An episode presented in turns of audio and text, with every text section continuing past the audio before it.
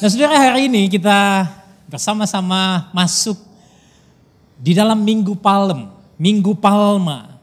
Minggu di mana ini adalah hari pertama saudara yang disebut sebagai Holy Week.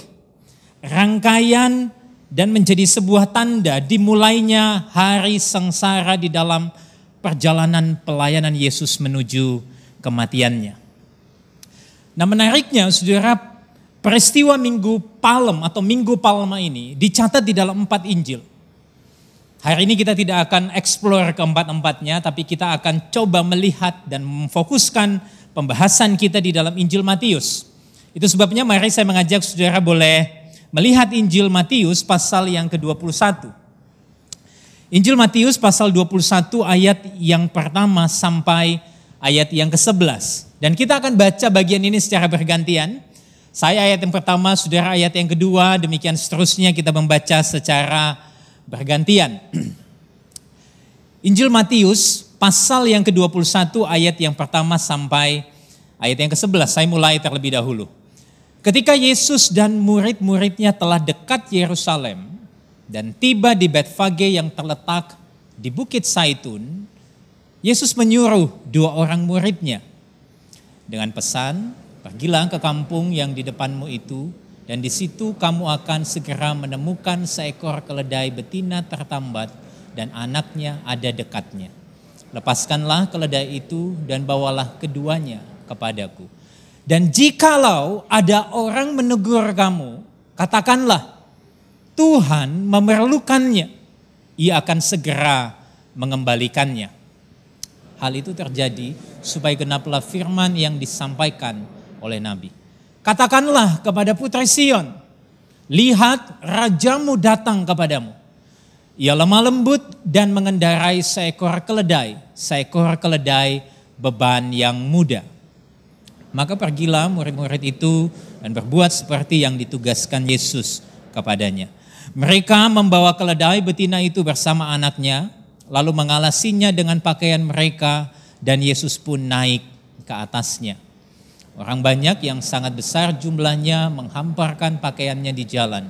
Ada pula yang memotong ranting-ranting dari pohon-pohon dan menyebarkannya di jalan. Dan orang banyak yang berjalan di depan Yesus dan mengikutinya dari belakang berseru katanya, Hosana bagi anak Daud, diberkatilah dia yang datang dalam nama Tuhan, Hosana di tempat yang maha tinggi. Dan ketika ia masuk ke Yerusalem, gemparlah seluruh kota itu. Dan orang berkata, siapakah orang ini? Dan orang banyak itu menyahutnya, inilah Nabi Yesus dari Nazaret di Galilea. Nah saudara-saudaraku yang dikasih oleh Tuhan, untuk memahami bagian ini, untuk memahami bagian ini, saudara, saya ingin kita melihat bagian ini di dalam dan melalui tiga hal. Kita akan melihat, saudara yang pertama, kita akan bicara tentang konteks daripada bagian ini. Yang kedua kita akan bicara tentang kontras dari bagian ini. Dan yang terakhir kita akan bicara tentang koneksinya. Ya, gospel connectionnya di situ. Nah saudara kita kenapa perlu sekali melihat dari konteksnya supaya supaya kita bisa melihat bahwa sesungguhnya apa yang dilakukan dan apa yang terjadi di dalam cerita yang baru kita baca itu bukan seperti yang biasanya kita pikirkan. Lalu kita akan lihat kontrasnya di situ. Oh ternyata yang kita pikirkan selama ini mungkin keliru. Lalu kita akan lihat gospelnya di mana. Saudara mari kita lihat yang pertama, konteksnya. Kalau kita membaca Alkitab, saudara penting sekali kita baca perikop sebelum dan perikop sesudahnya. Karena itu akan membantu kita untuk memahami bagian yang kita baca itu secara utuh. Nah, Matius 21 ayat 11, ayat 1 sampai ayat yang ke-11, saudara itu diawali dengan tiga kisah. Injil Matius dimulai kisah ini dengan tiga kisah. Kisah yang pertama itu di dalam Matius 20 ayat 17 sampai ayat 19. Itu bicara tentang apa? Bicara tentang Yesus memberitahukan akan penderitaannya kepada murid-muridnya untuk yang ketiga kali. Jadi Yesus memberitahukan akan penderitaannya kepada murid-muridnya untuk yang ketiga kali. Di sana Yesus mengatakan, saudara di dalam ayat 18, 19, sekarang kita pergi ke Yerusalem dan anak manusia akan diserahkan kepada imam-imam kepala dan ahli-ahli Taurat dan mereka akan menjatuhi dia hukuman mati.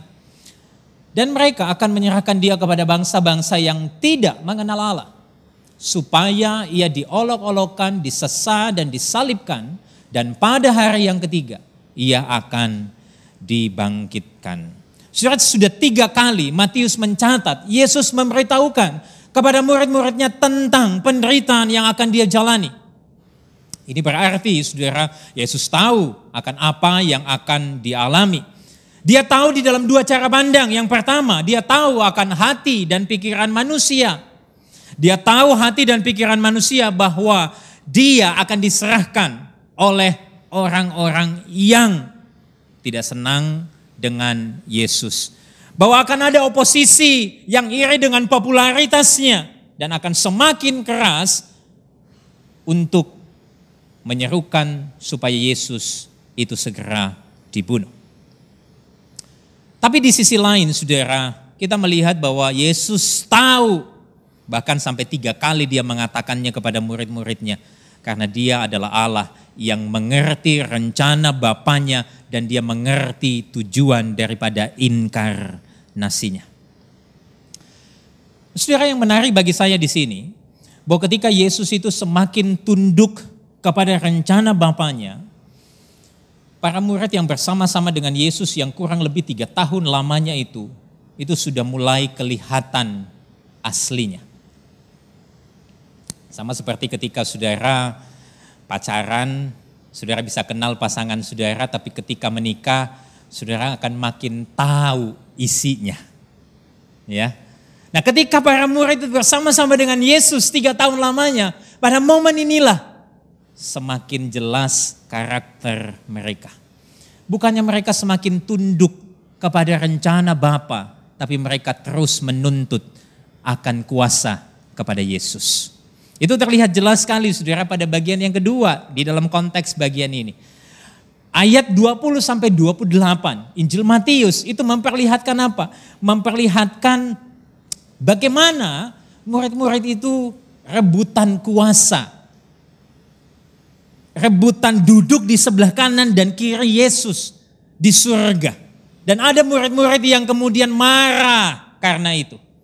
Jadi kisahnya itu adalah ketika ada seorang ibu dari anak-anak Sebedeus, yaitu Yohanes dan Yakobus, dan kedua anaknya itu ikut dan sujud meminta kepada Yesus. Lalu Yesus tanya, apa yang kau kehendaki? Lalu jawab ibu anak-anak Sebedeus, berilah perintah supaya kedua anakku ini boleh duduk kelak dalam kerajaanmu. Yang seorang di sebelah kananmu dan yang seorang di sebelah kirimu. Tapi apa jawab Yesus, saudara? Yesus menjawab, kamu tidak tahu apa yang kamu minta.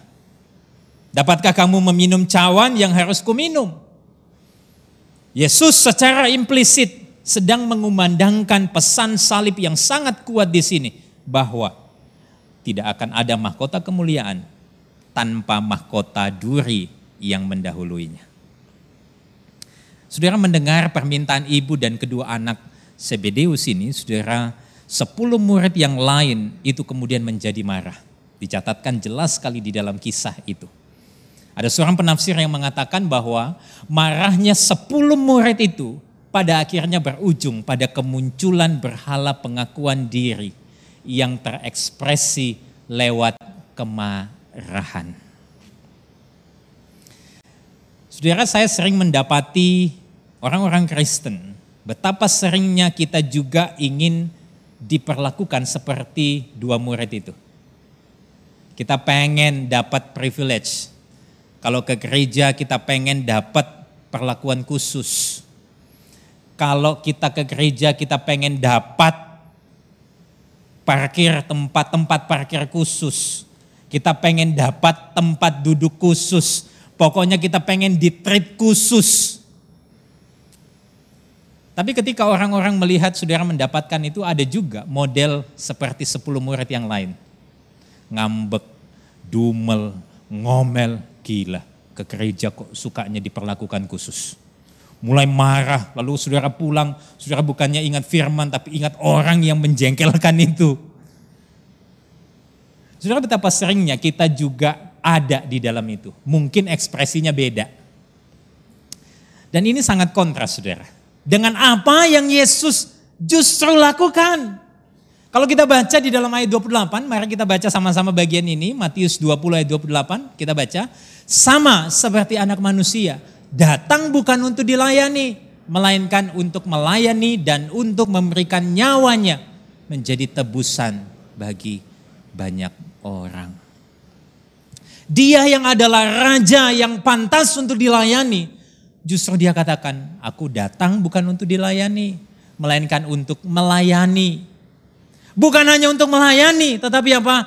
Memberikan nyawanya menjadi tebusan bagi banyak orang. Surah Yesus di sini bukan sekedar memberikan pengajaran tentang pelayanan, tapi dia justru memberikan dan menyatakan peneladanan. Yesus bukan hanya menjadi pengajar yang baik, tapi dia juga memberikan keteladanan yang sempurna. Saudara bicara tentang peneladanan, saudara saya ingat sebuah cerita ketika saya dan istri kemudian satu kali pergi ke kota Batu. Kita berjalan-jalan sepanjang hari di kota Batu, saudara lalu singkat cerita, malam hari sebelum pulang ke Surabaya, kami itu singgah di sebuah tempat makan. Tempat makannya pasti saudara tahu, ya. Uh, pokoknya yang bikin kenyang, ya. Pasti saudara tahu, ya. Waktu kami duduk, saudara, lalu dia pesan makanan. Uh, seperti biasa karena cuaca kota Batu cukup dingin, saya pesan uh, teh manis panas. Ya, karena saya tahu biasa yang datang bukan panas tapi hangat. Nah, lalu istri saya saya bilang, kamu mau pesan apa? Dia bilang, aku pengen wedang jahe. Oh, dia pesan wedang jahe, lalu dia pesan yang sama kepada pelayan, minta yang panas sekali mbak. Dia ngomong gitu sama pelayan. Singkat cerita makanan sudah datang, saudara kemudian minuman kami juga sudah datang ya. Lalu kami doa sama-sama seperti yang uh, kita lakukan ya. Ini orang Kristen banget begitu kan ya. Makanan datang, doa habis itu foto. ya kan? Jadi waktu foto-foto saudara kemudian dia mengambil uh, gelas minumannya dan ketika saya duduk, saudara saya langsung kemudian duduk dan menyenggol tangan di mana tangan itu pegang gelas wedang jahe yang panas. Saudara lalu kemudian wedang jahe itu tumpah persis di bajunya dan saya tahu itu panas sekali. Lalu apa yang dia lakukan saudara? Dia langsung ambil tisu, dia lap. Saudara saya karena bersalah, saya lalu bilang, sorry ya, sorry ya. Ya, Aku tidak sengaja. Bukannya dia bilang makanya kamu itu sudah doa, makan saya tidak usah foto-foto. Dia nggak ngomong gitu saudara. Dia cuma bilang it's okay, it's okay. Lalu dia bilang aku pengen ke toilet sebentar ya. Dia ke toilet, dia keringin bajunya, dia pakai tisu, lalu dia datang lagi. Saya pikir masalahnya sudah selesai. Ya biasa lah ya. Kalau wanita diingat-ingat tuh. Ya. Tapi saya bersyukur saudara waktu selesai makan, kami kembali ke Surabaya di tengah jalan di tol. Lalu dia bilang begini sama saya, kok seandainya, seandainya wedang jahe itu tumpah di bajumu. Apa responmu? Saudara itu pertanyaan buat saya terdiam. Waktu saya terdiam, dia langsung nyeletuk. Aku tahu pasti responmu. Kamu pasti marah, kamu pasti emosi, dan kamu pasti ngomel. Dia tahu persis siapa saya. Lalu dia bilang begini, tapi kalau ada kejadian itu ndak harus selalu marah loh. Tadi saya ndak marah loh sama kamu itu artinya kita bisa kontrol emosi kita. Apalagi kalau sudah ada roh kudus dalam hatimu. Wih, saudara itu perjalanan yang bikin hati saya itu tercabik-cabik gila. Kali ini gue diceramain sama istri gue. Saudara, saya pengen cerita di sini bahwa peneladanan itu sangat penting. Apa yang Yesus lakukan bukan hanya dia mengajar tentang melayani, tapi dia memberi dirinya untuk melayani. Berapa banyak di antara kita itu yang cuma jadi penonton waktu ke gereja. Kalau pendeta Wahyu Pramudia minggu lalu ngomong berapa banyak dari kita jadi jemaat yang sukanya mancing kalau ke gereja. Tapi seberapa banyak dari antara kita yang pengen jadi penyembah ketika kita masuk di rumah Tuhan. Penyembah bukan hanya sekedar datang, duduk, diam, dengar, pulang. Tapi kita ingin sungguh-sungguh memberi diri kita untuk melayani Tuhan kita. Raja di atas segala raja. Sudah ketika para murid itu menuntut untuk dapat kuasa, Yesus justru memberi dirinya. Untuk apa? Untuk melayani. Ini konteks yang kedua saudara. Konteks yang ketiga. Dalam Matius 20 ayat 29 sampai 34. Dan kalau kita lompat di perikop setelah bacaan kita tadi. Dari ayat 12 sampai 17. Di situ kita melihat Yesus sedang memperlihatkan tentang penolakan yang akan dia terima. Tapi sebelum itu, saudara di dalam Matius 20 ayat 29 sampai 34, Yesus ketika dia berjalan, hendak berjalan dari Yeriko ke Yerusalem, dia menjumpai ada dua orang buta. Menarik sekali cerita ini. Dua orang buta ini saudara sedang duduk dan mereka mendengar akan apa akan uh, riuh orang-orang banyak yang mengikuti Yesus ketika hendak ke Yerusalem. Ketika mereka dengar saudara, oh mereka senang sekali lalu mereka teriak, Yesus anak Daud. Oh mereka teriak berulang kali saudara. Lalu singkat cerita, Yesus mendengar teriakan itu dan dicatat di dalam ayat 34. Maka tergeraklah hati Yesus oleh belas kasihan, lalu ia menjamah mata mereka dan seketika itu juga mereka melihat lalu mengikuti dia. Kenapa saya ceritakan kisah ini, saudara, untuk memperlihatkan bahwa ada kontras. Yesus tergerak hatinya oleh belas kasihan melihat dua orang buta itu, sedangkan orang banyak yang melihat itu menyuruh dua orang buta itu untuk diam. Sangat kontras sekali saudara. Bahkan ini juga mirip dengan apa? Dengan apa yang para imam-imam kepala dan ahli Taurat lakukan ketika Yesus masuk ke bait Allah. Melihat banyak hal yang gak benar, tapi dicatat di dalam bagian itu, saudara ayat 14, maka datanglah orang-orang buta dan orang-orang timbang kepadanya di dalam bait Allah dan disembuhkannya, dan mereka disembuhkannya. Yesus juga menyembuhkan orang buta di sana, di dalam bait Allah. Tetapi apa yang terjadi? Coba baca ayat 15 sama-sama. Tetapi ketika imam-imam kepala dan ahli-ahli Taurat melihat mujizat-mujizat yang dibuatnya itu. Dan anak-anak yang berseru dalam bait Allah, Hosana bagi anak Daud. Hati mereka. Siapa yang sangat jengkel saudara? Ahli-ahli Taurat dan imam-imam kepala. Sementara orang banyak yang ikut Yesus nyuruh dua orang buta itu diam. Ketika Yesus melakukan mujizat menyembuhkan orang buta, hati imam-imam kepala ahli Taurat juga jengkel. Satu ekspresinya kelihatan, satu dongkol di dalam hati. Ini mirip dengan apa? Dengan ekspresi perikop sebelumnya. Satu minta langsung, satu ngomel-ngomel. Jadi kalau saudara lihat konteksnya, saudara akan temu di sini.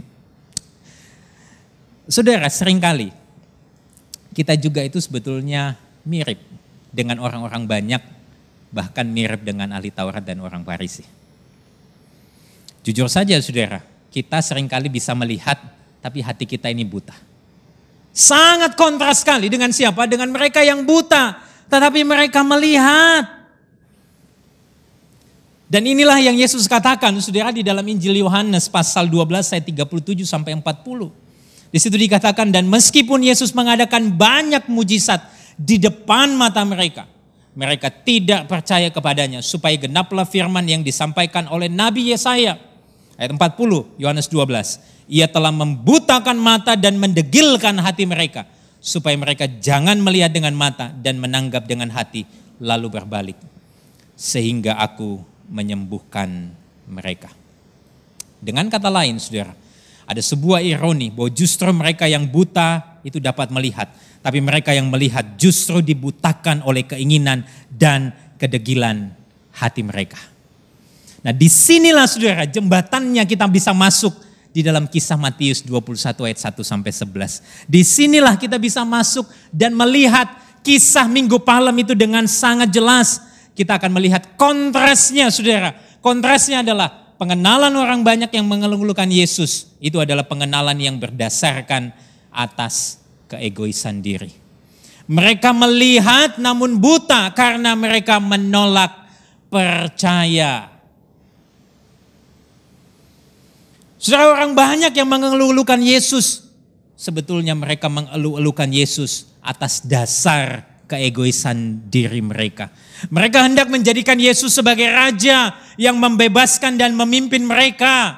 Tapi bukan membebaskan mereka dari dosa. Tapi mereka ingin supaya Yesus menjadi raja yang memimpin kerajaan dunia. Mereka mengharapkan Yesus untuk berperang melawan kerajaan Romawi dan memimpin Israel. Dan alhasil saudara, ketika Yesus tidak melakukannya, justru mereka berbalik melawan Yesus. Ketika hari itu mereka berseru Hosana di minggu palem. Namun mereka yang kemudian berteriak salibkan dia di penghujung minggu itu. Bahkan saudara, mereka lebih memilih Barabas yang terlihat sebagai seorang pejuang daripada Yesus yang tidak terlihat memperjuangkan keinginan mereka. Karena itu semua saudara Injil Lukas pasal 41, pasal 19 ayat 41, 42 itu mengatakan demikian. Dan ketika Yesus telah dekat dan melihat kota itu, ia menangisinya. Katanya, wahai betapa baiknya jika pada hari ini hari ini juga engkau mengerti apa yang perlu untuk damai sejahteramu. Tapi sekarang hal itu tersembunyi bagi matamu.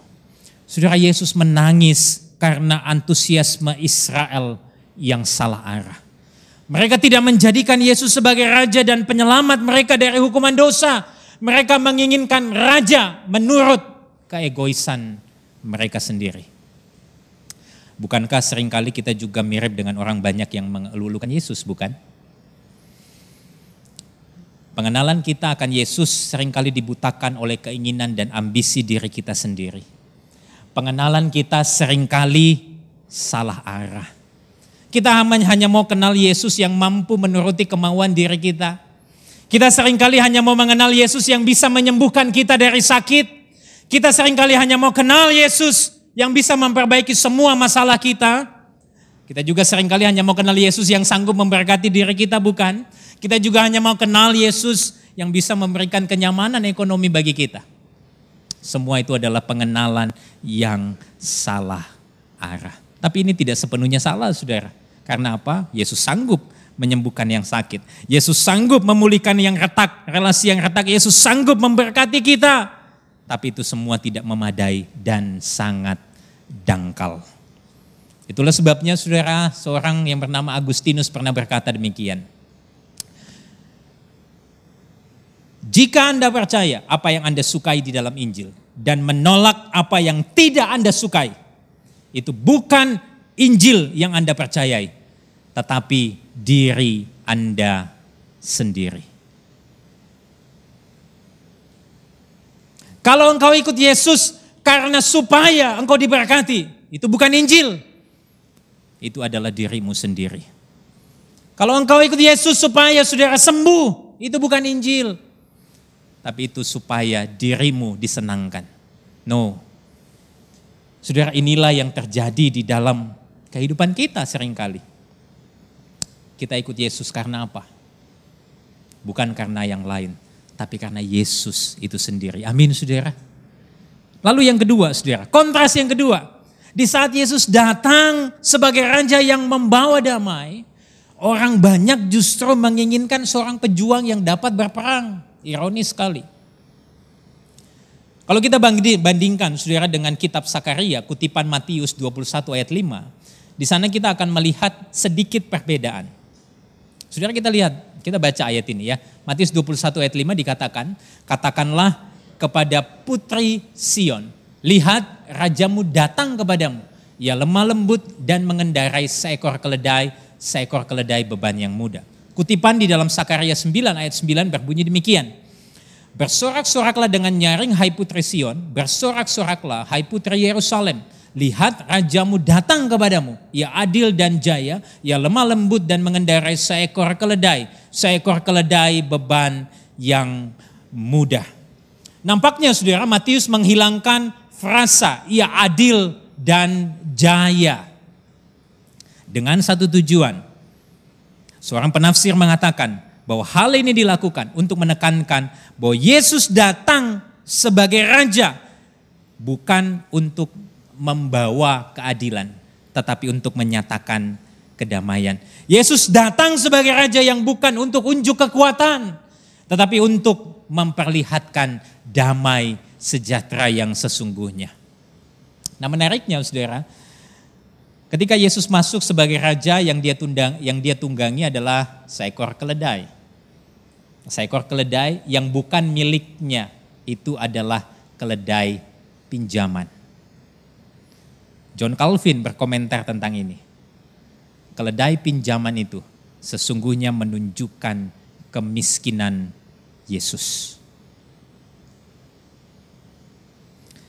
Keledai yang ditunggangi itu bukanlah keledai milik Yesus, tapi itu pinjaman. Dan itu menunjukkan sebuah pesan bahwa dia adalah pribadi yang miskin. Dari lahir sampai mati, dia menyatakan kemiskinan. Dia memperlihatkan kemiskinan. Dan tentu ini sangat kontras dengan keadaan raja dunia yang kalau masuk ke sebuah kota setelah perang, dia akan menunggangi kuda perang miliknya dan hidup di dalam kelimpahan dan kehedo, kehedonisan. Hedonis, Yesus berbeda.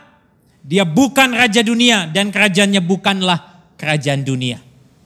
Dan saudara, kita bisa melihat di sini Ketika Yesus datang membawa damai, orang banyak itu dibutakan oleh keinginan mereka. Dan yang membutakan itu adalah dosa. Di saat Yesus hendak membawa damai, mereka terus ingin hidup di dalam peperangan. Di saat Yesus hendak membawa damai, mereka terus berupaya untuk hidup di dalam kekerasan. Dan bukankah ini yang terjadi juga di dalam dunia hari ini? Apa sih tujuan perang? Uang, penerimaan, approval, acceptance, supaya terlihat punya kuasa. Bukankah itu yang sedang dipertontonkan oleh dunia? Saling menjatuhkan, yang kuat menindas yang tidak berdaya, yang berkuasa memakai kekuasaannya untuk kepentingannya sendiri ada suami yang mengekang dan menekan istrinya. Ada anak-anak yang sadar berusaha untuk menjatuhkan orang tuanya. Ada rekan bisnis yang tahu bahkan menjatuhkan rekan bisnisnya yang lain. Dan saya rasa masih banyak contoh yang lain. Dan itulah yang dipertontonkan oleh dunia hari ini. Dan itulah dosa yang membuat manusia hidup untuk dirinya sendiri. Itu sebabnya saudara saya senang sekali dengan apa yang dikatakan oleh Paul David Tripp, dia mengatakan demikian. DNA dari dosa adalah keegoisan. Dosa membawa kita masuk ke pusat dari alam semesta. Di mana itu adalah satu-satunya tempat yang disediakan untuk Tuhan semata.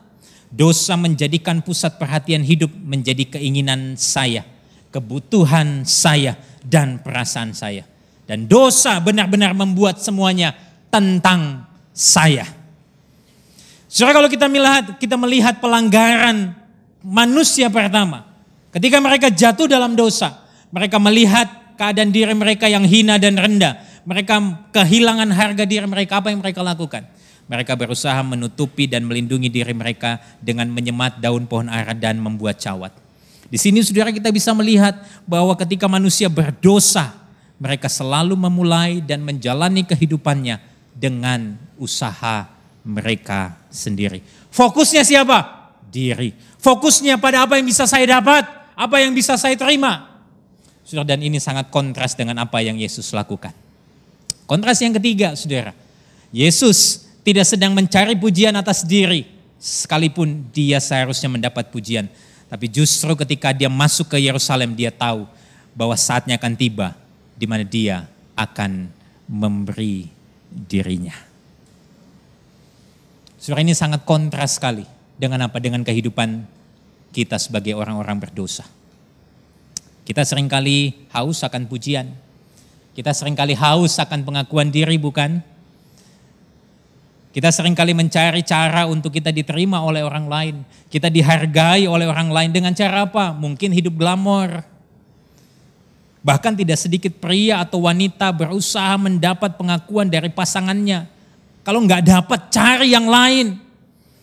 Seorang anak yang tidak dapat pengakuan dari ayahnya akan mencari pengakuan dari yang lain. Dan perlakuan dan persoalan pengakuan ini saudara bahkan diperparah dengan perkembangan media sosial. Orang berlomba-lomba memamerkan kebahagiaan dan kehidupan palsu mereka di media sosial. Ada seorang model yang terkenal yang lahir dengan fisik yang menarik namanya Cameron Russell. Di dalam sebuah konten di YouTube-nya saudara dia pernah berkata, lewat media sosial dia hanya ingin menunjukkan apa yang orang-orang li, ingin lihat dari dirinya. Tapi sebenarnya dia tidak sepenuhnya bahagia. Dia pun mengatakan bahwa dia tidak sesempurna seperti foto-foto yang dipost di media sosial.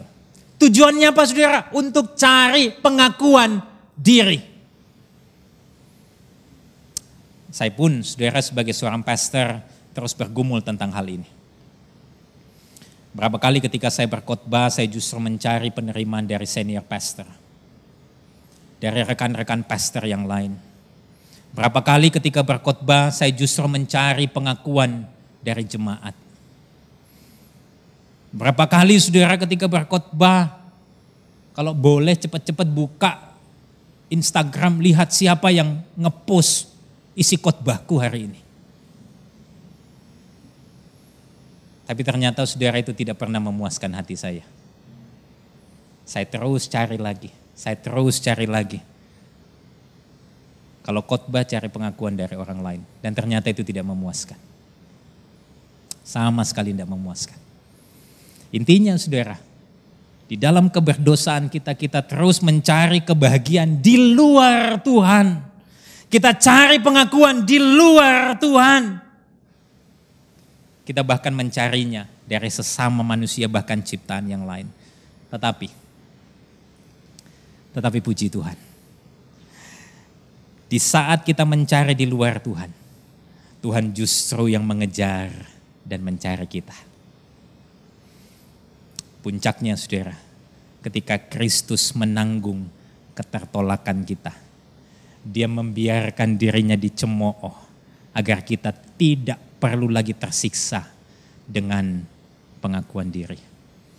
Kristus membereskan kebutuhan penerimaan kita yang terdalam yaitu kebutuhan untuk diterima oleh Allah. Dan inilah Injilnya. Kristus, Sang Anak Allah, harus menanggung penolakan dan menerima perendahan di atas kayu salib, agar kita mendapat penerimaan dan pengangkatan sebagai anak-anak Allah. And this is the gospel. Kristus harus menanggung penolakan dan perendahan di atas kayu salib agar engkau dan saya mendapat penerimaan dan pengangkatan sebagai anak-anak Allah. Saudara, hari ini kita tidak perlu lagi tersiksa dengan pengakuan diri kita. Kita tidak perlu cari lagi di luar sana. Karena Kristus itu sudah menanggung ketertolakan kita. Kristus sudah memberikan pemenuhan yang paling kita butuhkan, yaitu untuk diterima oleh Allah. Dan kalau saudara-saudara membaca Yesaya pasal 53 ayat 3 sampai 4. Di sana dikatakan demikian, ia dihina dan dihindari orang.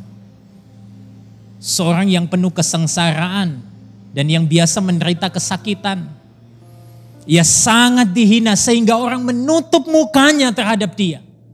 Dan bagi kita pun dia tidak masuk hitungan. Tetapi sesungguhnya penyakit kita lah yang ditanggungnya dan kesengsaraan kita yang dipikulnya. Padahal kita mengira dia kena tulah, dipukul dan ditindas Allah. Ia dihina dihindari. Bukankah ini bahasa ketertolakan? Bahkan orang menutup mukanya melihat dia. Bukankah ini bahasa ketertolakan? Bahkan orang-orang tidak pandang dia. Tetapi sesungguhnya kitalah karena penyakit kitalah dia harus mengalami semuanya itu. Ini semua bahasa ketertolakan yang diterima Yesus. Padahal sesungguhnya kitalah yang harusnya tertolak. Dan saudara kalau kita sadar harga penerimaan Allah bagi kita, buat kita, sangat mahal bahkan tidak ternilai. Karena apa? Karena dia harus membiarkan anaknya yang tunggal itu ditolak. Menanggung penyebab karena kita yang harusnya ditolak. Dan karena Kristus, maka kita diterima Tuhan. Amin saudara. Sekarang ini, Saudara kita tidak perlu lagi cari pengakuan di luar sana. Karena kita sadar karya Kristus yang disalib itu sudah cukup bagi diri kita. Hari ini kita bisa berkata, di dalam Kristus kita menerima kepenuhan Allah. Kita utuh di dalam Kristus kita sudah diterima. Dan karena itu kita bisa rest, kita bisa tenang. Timothy Keller saudara mengatakan sebuah kalimat. Kita lebih berdosa dan rusak di dalam diri kita daripada yang kita yakini. Tetapi pada saat yang sama, kita lebih dikasihi dan diterima dalam Yesus Kristus daripada yang pernah kita harapkan. Sekarang ini kita tidak perlu lagi takut dan khawatir akan penerimaan orang lain. Kita bahkan juga tidak perlu takut akan disiplin Tuhan. Karena kita sadar bahwa pengorbanan Kristus itu sudah memuaskan murka Allah yang harusnya kita terima. Sehingga waktu kita menerima disiplinnya Allah, kita menerimanya tanpa perlu takut lagi akan penolakannya. Saudara sekarang ini, ketika kita sadar kita ini manusia yang tidak sempurna, kita penuh dengan kelemahan, kita tidak perlu lagi takut akan penolakan, kita tidak perlu takut lagi akan penerimaan orang lain, karena kita sadar Kristuslah yang kita butuhkan. Kristuslah yang sudah memenuhi hati kita. Bahkan di dalam segala kelemahan dan ketidaksempurnaan kita. Sudah kita bisa berkata seperti apa yang Paulus katakan. Cukuplah kasih karuniaku bagimu. Sebab justru dalam kelemahanlah kuasaku menjadi sempurna. Sebab itu terlebih aku suka, terlebih suka aku bermegah atas kelemahanku. Supaya kuasa Kristus turun menaungi aku. Mari kita beri kemuliaan untuk Tuhan kita. Di dalam segala kelemahan kita, ketidaksempurnaan kita. Karena Kristus sudah menerima kita. Hari ini kita bisa berkata, tak lebih suka aku bermegah dalam kelemahanku. Supaya kuasa Kristus yang turun menaungi aku.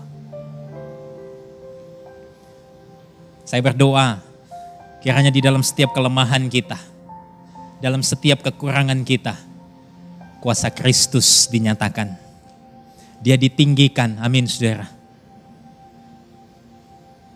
Ketika engkau merasa tertolak, hari ini engkau sadar bahwa sesungguhnya kebutuhan terbesar di dalam dirimu bukanlah pengakuan dari orang lain. Tapi Kristus sudah menerimamu sudah mengangkatmu menjadi anak-anak Allah. Dan karena itulah kita punya penerimaan yang baru di dalam hidup kita. Kristus itu cukup bagi kita. Amin saudara. Mari kita berdoa.